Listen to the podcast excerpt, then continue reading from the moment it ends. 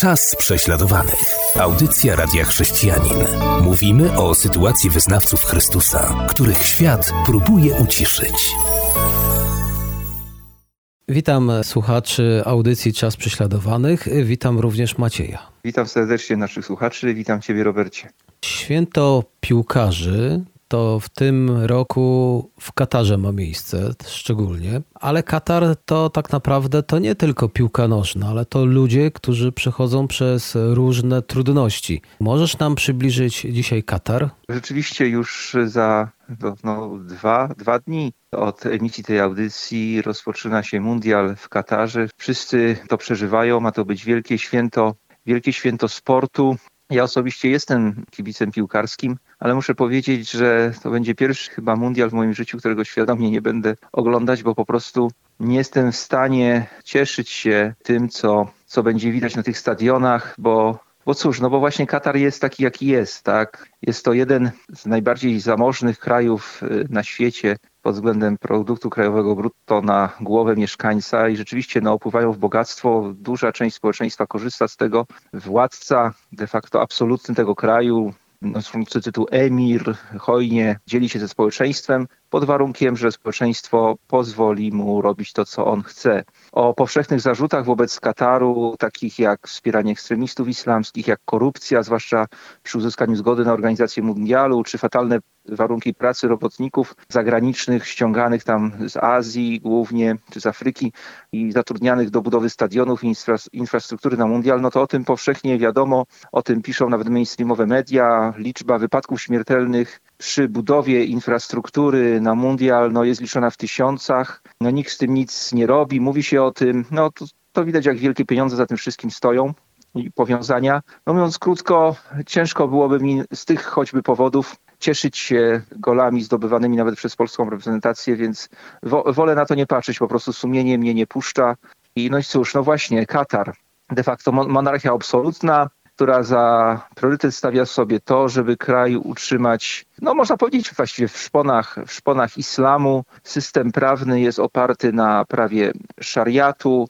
Tak naprawdę dominuje tam wahhabizm, czyli taka najbardziej fundamentalistyczna odmiana islamu w praktyce nietolerująca niczego innego. Choć Katar wyróżnia się czymś i myślę, że tutaj widać ich, nazwałbym to spryt polityczny, bo to nie jest jakaś dobra wola, ale no trzeba jakoś współistnieć na tej ziemi. I jeśli popatrzymy na, na chrześcijan w Katarze, to zobaczymy, że są tam dwie grupy. Bo w ogóle to dominuje tam islam, co, co jest oczywiste. Różne statystyki podają, że muzułmanów jest od 70 do 80%.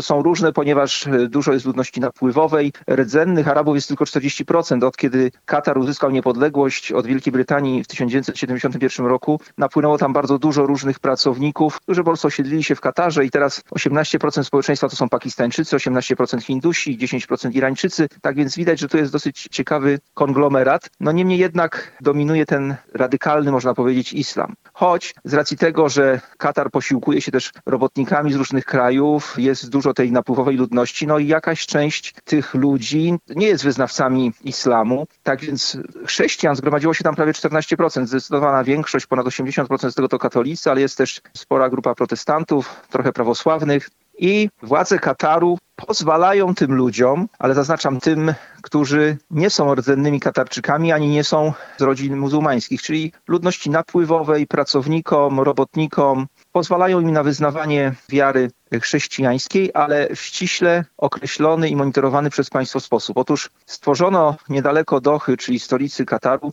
kompleks religijny, który tak potocznie jest nazywany miastem kościelnym i tam zezwolono różnym kościołom na zniesienie budynków, w których mogą się gromadzić. Ten kompleks jest bardzo ściśle monitorowany. Muzułmanie mają tam zakaz wstępu, chyba że dostaną specjalne zezwolenie. Ponieważ w Katarze nie można publicznie manifestować swojej wiary, to nawet w tym kompleksie, budynkach kościelnych, czy na zewnątrz budynków kościelnych, nie można przedstawiać żadnych symboli chrześcijańskich. I de facto to jest takie swego rodzaju getto i, i rząd Kataru tam gromadzi wszystkich chrześcijan, którzy chcą się spotykać. Oczywiście oni, oni tam nie mieszkają, ale tam mają swoje miejsca spotkań. Kontroluje to bardzo ściśle ma nad tym nadzór i równocześnie dba o to, żeby chrześcijanie nie mieli kontaktów z muzułmanami. Wszelkie próby głoszenia Ewangelii spotkają się z ostrą reakcją ze strony władz. Obecnie to będzie prowadziło zwykle do deportacji, chociaż były też wyroki więzienia w przeszłości, więc to jest sytuacja dość typowa dla, dla wielu krajów muzułmańskich, których władze pozwalają na, na funkcjonowanie w ograniczonym zakresie kościołów, ale absolutnie nie dopuszczają możliwości jakiejś konwersji czy głoszenia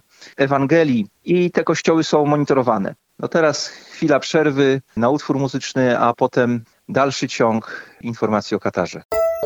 Czas prześladowany. Audycja Radia Chrześcijanin.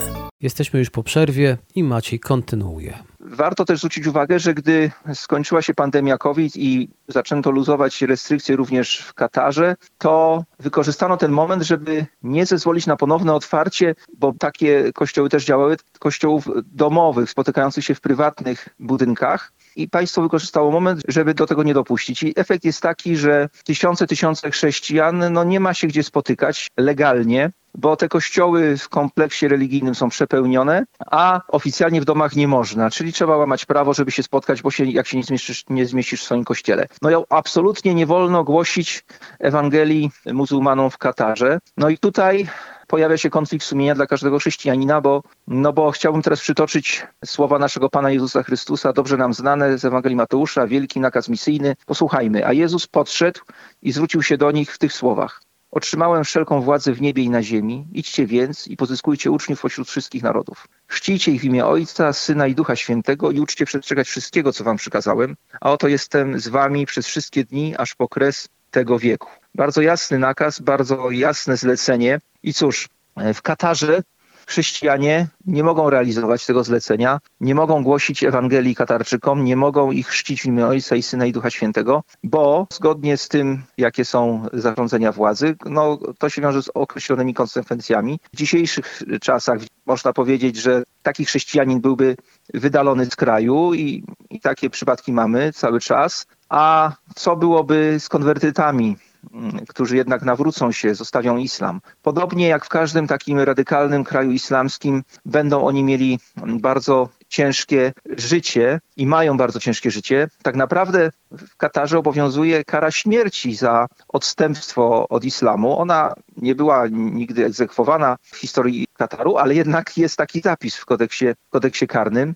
Istnieje taka strona internetowa Web Islam, sponsorowana przez rząd katarski, na której można znaleźć wiele zamieszczonych fatw, w których, czyli takich klątw rzucanych na, na ludzi i w ramach tych klątw domaga się kary śmierci właśnie za na przykład obrazę proroka Mahometa, więc ta, ta presja jest, jest to, to tak w cieniu jest, to, to jest taka psychologiczna presja, że ciesz się, że tego nie zrobimy, ale uważaj, bo możemy to zrobić. Tak? Więc to jest sposób na, na to, żeby Katarczyków trzymać w ryzach, żeby nawet nie myśleli o tym, żeby spróbować dowiedzieć się czegoś więcej o, o Chrystusie.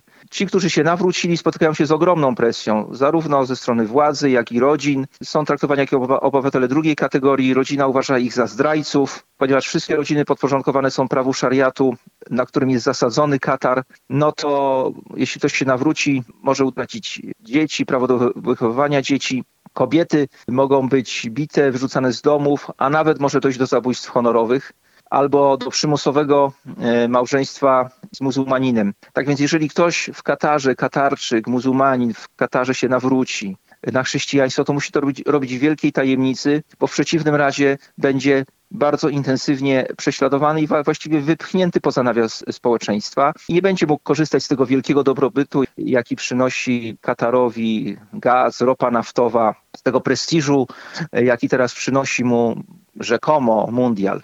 Czyli kraj, który ma bogactwo, którym się dzieli z innymi krajami, ale tak naprawdę za tym bogactwem kryje się nieszczęście wielu ludzi. Dokładnie tak. No, to jest taka jedna z największych fasad y, obłudy na świecie. W Piśmie Świętym apostoł Paweł napisał, że korzeniem wszelkiego zła jest miłość pieniędzy. Tak? No i Katar stoi na pieniądzu i zdobywa sobie wpływy w wielu kręgach na świecie właśnie poprzez, poprzez pieniądze. Tak? To, są, to są interesy i niestety wiele osób na tej ziemi na pierwszym miejscu stawia pieniądz i dlatego potem mamy tyle problemów i tylu zwykłych ludzi cierpi, traci życie, zdrowie, są traktowani jak niewolnicy, są oszukiwani, pozbawiani podstawowych wolności osobistych. No tak to niestety jest. Pieniądz w dużym stopniu rządzi tym światem. No a my jako chrześcijanie powinniśmy, powinniśmy w odpowiedzi na to podporządkować się Panu Jezusowi Chrystusowi i w mocy Jego Ducha głosić, głosić Ewangelię i głosić Ewangelię także muzułmanom, głosić Ewangelię w Katarze,